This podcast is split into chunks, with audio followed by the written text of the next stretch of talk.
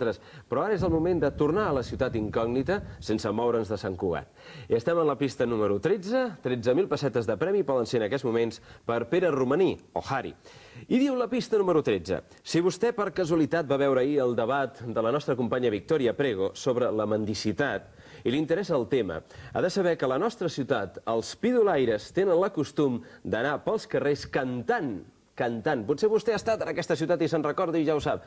Envia ara mateix una postal, però en aquesta postal no cal que posi el nom de la ciutat incògnita, eh? simplement que dirigeixi la postal a 3x4. Eh? Què li sembla, Pere? Quina deu ser aquesta ciutat del món? Uh, Salamanca. Salamanca. Salamanca, Salamanca. Per què diu Salamanca? Per què? Per això dels pidolaires... I Potser de... sí cantant, per allà, Sí, potser abans, qui sap, oi? Doncs Salamanca, una ciutat que diuen molt sovint els nostres espectadors, tampoc pel que sentim és la ciutat incògnita de 3x4. Tornem a parlar de l'astrologia. Harry, quin és l'origen de l'astrologia? Es coneix l'origen de l'astrologia? Bueno, l'origen de l'as- l'astrologia és un coneixement que és tan, tan antic des de, o sigui, des de que existeix l'home que, pues, que existeix l'astrologia. Eh, trobem l'astrologia pues, a, a, a, les, a totes les tradicions. Es manifesta cada tradició, cada cultura d'una forma diferent, però tro- trobem el simbolisme varia, però el llenguatge és el mateix. La trobem a Egipte, la trobem a la Índia, la trobem als indis d'Amèrica, o sigui, a totes les cultures i eh, es podria dir, i aquí apunta que és un coneixement pues, que potser prové d'altres d'altres eh, d'altres eh, de fora de la, nos- de, de la Terra, no? Vull dir, també hi ha teories. I en què es basa el poder predictiu, el poder predictiu de l'astrologia? Bueno, està basat en la, en, en la influència que hi ha entre els, els cossos, o sigui, el, aquest univers, tot, tot nosaltres, els, els cossos, o sigui, tot està interaccionat. Podem veure, per exemple, amb la Lluna, la Lluna pues, que influencia les aigües, la, les que pugen i baixen, no? els mars, eh, que influencia també els cicles de la dona, els cicles de, de la dona estan també molt regulats per la Lluna, no? O sigui, és aquesta, aquesta, aquesta vida que hi ha al cosmos i que tots els cossos, animals, tot està interaccionat.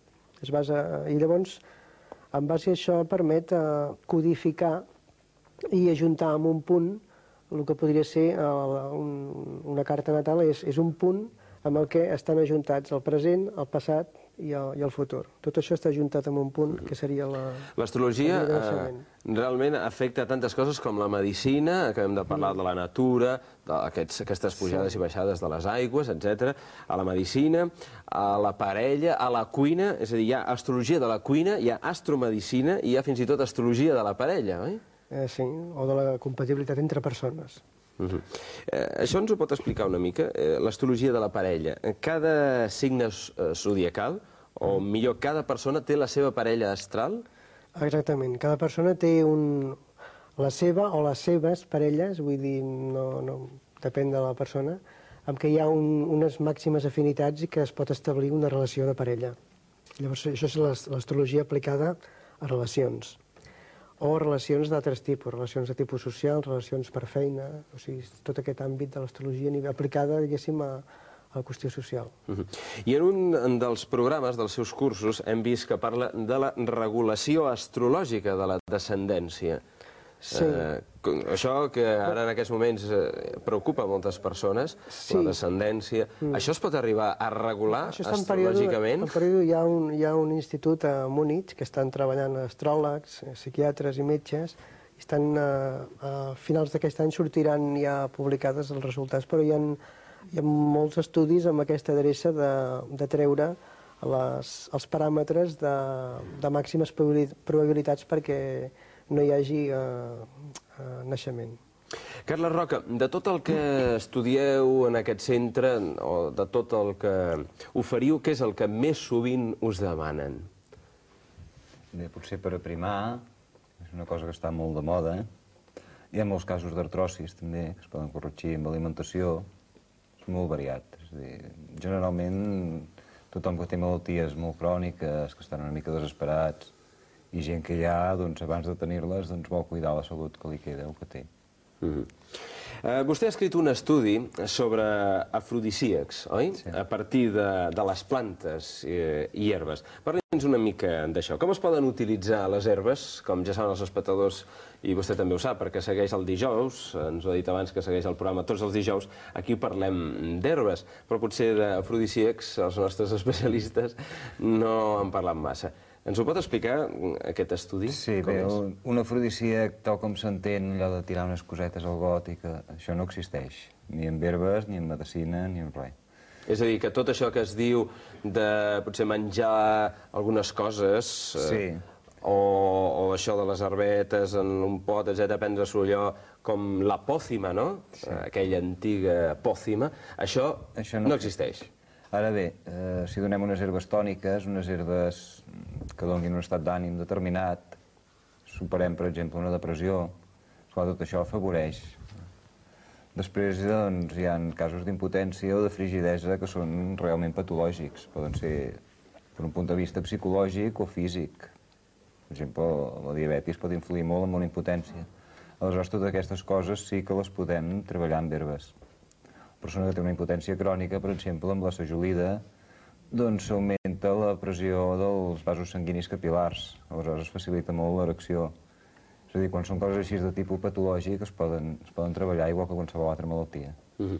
I al igual que l'astrologia, també a partir de les herbes es poden trobar formes de regular la descendència, també pot influir? Bueno, la, la píldora antibaby doncs, eh, està creada a partir d'una herba. Aleshores, en el curset de fitoteràpia que fem en l'herbolari hi ha un, una de les lliçons que són anticonceptius vegetals i he recollit molta informació, sobretot de les tribus amaçòniques i dels inques i això que controlaven perfectament la descendència en herbes. -huh. Carla Roca, ens podria fer entendre termes, conceptes com higienisme, aromateràpia o helioteràpia? L'higienisme és tota una filosofia de vida com dèiem abans, es tracta d'aprendre a viure per conservar la salut. Aleshores, no s'accepta dintre l'higienisme, que és la, la teràpia que empleu, cap medicament. I el dir cap medicament em refereixo no solament a medicaments de farmàcia, sinó fins i tot a la llimona, a l'all, o sigui, no es pren res com a medicament, senzillament es deixa de fer allò que ens emmalalteix. I això comprèn doncs, tota una filosofia, superar l'estrès... Eh... Tot això higienisme. Sí. Una de les coses en les que treballen també vostès, com hem vist en tots els informes que tenim aquí, és la de superar l'estrès, el sí. mal de moda. Sí. I, I què és el que vostès aporten per superar l'estrès? Bé, això és un treball una mica en conjunt, i entre una companya que és psicòloga, eh, entro jo personalment, amb, per exemple, amb herbes, una dieta més sedant, la dieta que està menjant tothom és una dieta que crea molta agressivitat, hi ha aliments més tranquil·litzants. I es pot aconseguir combatre l'estrès sense canviar de vides, eh, continuant fent el mateix que s'està fent? Una persona, per exemple, que està estressada per al seu treball, per la seva sí. feina, perquè va de boli tot el dia, perquè no para, i no pot parar, pot, ha de seguir aquest ritme de treball, de feines, eh, de coses que l'angoixen, sense canviar aquest ritme, es pot combatre l'estrès? Es pot combatre sense canviar aquest ritme. El que sí s'ha de canviar és la forma de vida en el sentit d'alimentació, de manera de vestir, la manera de vestir influeix? Sí, per exemple, les fibres de targal creen unes electricitats estàtiques, una ionització sobre el cos, que poden crear estrès també. Ah, caram, ja hem dit abans que avui realment ens sorprendríem de les coses que... La posició del llit a l'hora de dormir també pot... La posició del llit? Sí. Quina és la posició cap, menys estressant? El cap sempre cap al nord. Es descansa molt més. Persones que tenen insomni se'ls supera instantàniament, a les dues o tres nits de dormir amb el cap al nord. Molt bé, Carles, coses que anem aprenent. L'aromateràpia i la helioteràpia. Sí, l'aromateràpia, no aquí hi ha una mica de confusió fins i tot entremig dels professionals. Eh, sento dir a molta gent que aromateràpia és l'ús d'essències. Això per mi no és ben bé així. Aromateràpia és la curació pels aromes. És a dir, l'empleu de les plantes medicinals eh, per mitjà de l'òrgan olfatiu. Llavors podríem considerar com aromateràpia els típics bafos d'eucaliptus que tots ens han fet, i moltes més que no estan tan popularitzades però que s'estan fent inclús amb uns aparells eh, nebulitzadors doncs, sabem que la persona inhali unes essències I l'helioteràpia, que té i que la veure? són banys de sol, en aquest cas. Banys de sol. Després hi ha la hidroteràpia, banys d'aigua, geoteràpia... Però imagino que aquests banys de sol, eh, quan molts metges recomanen no passar-se l'estiu amb els banys de sol, amb el perill que comporta aquestes persones obsessionades amb el bronzo, amb el bronzejat estiuenc, amb els problemes que porta la pell, amb aquests càncers de pell que arriben a produir-se persones que, que han estat sotmeses a, a molts banys de sol, això vol dir que deuen ser uns banys molt regulars. Bé, aquí hi ha dues coses. En principi, nosaltres considerem que només agafen càncer de pell prenent el sol aquelles persones que tenen colesterol. Això és el que se- s'estudia i es demostra en medicina natural. A part d'això, els higienistes diem que el sol s'ha de prendre sempre a, a la sombra. O sigui, mai a ple sol, sinó entremig d'arbres. Mhm. No sabem si la nostra ciutat incògnita es pot eh, prendre el sol així, com diu en Carles, o potser eh, a ple sol, no ho sabem ben bé. No... Però aquesta pista número 14 en aquests moments diu ben segur que tots els temes dels quals ens han parlat els nostres convidats es poden estudiar a la nostra ciutat, però hem de dir que pels més susceptibles també poden estudiar a la seva universitat. L'anterior ciutat icònica, que com ja saben era aquesta, Sant Cugat del Vallès, dèiem que tenia una universitat propera. Aquesta, la que tenim incògnita en aquests moments, que és la ja 25a ciutat incògnita, té universitat a la mateixa ciutat. Podria ser Salamanca, com acaba de dir abans en Pere, però ja hem vist que no és Salamanca. Quina ciutat diu ara Carles Roca? Què li sembla? Podria ser Santiago Santiago. De Xile? O Compostela. de Compostela. Santiago de Compostela, Santiago de Compostela, Santiago de Compostela, Santiago de... Ja, ara ja ho han dit, és que... doncs no, no era Santiago de Compostela, la nostra ciutat incògnita tampoc.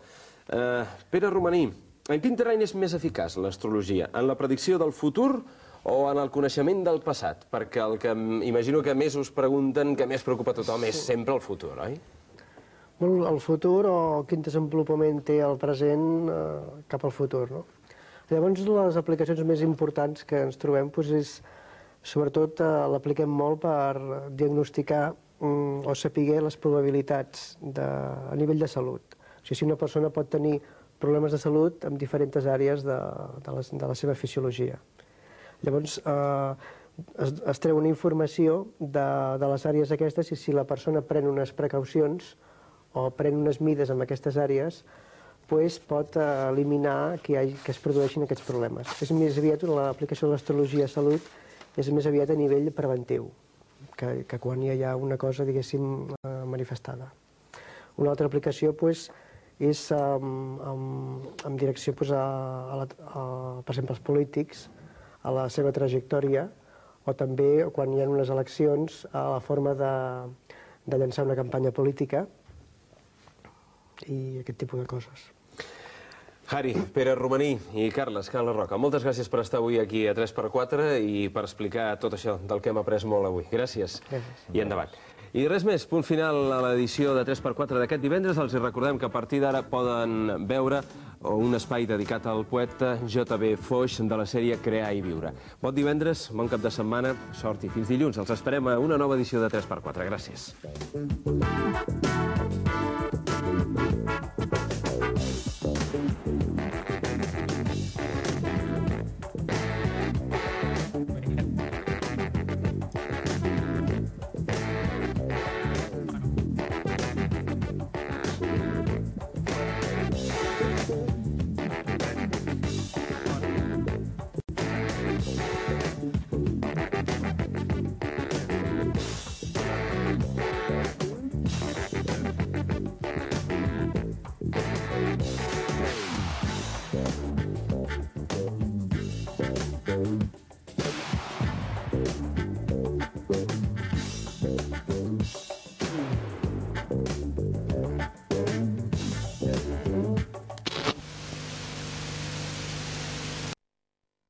Y las Azores. A 15 dies de la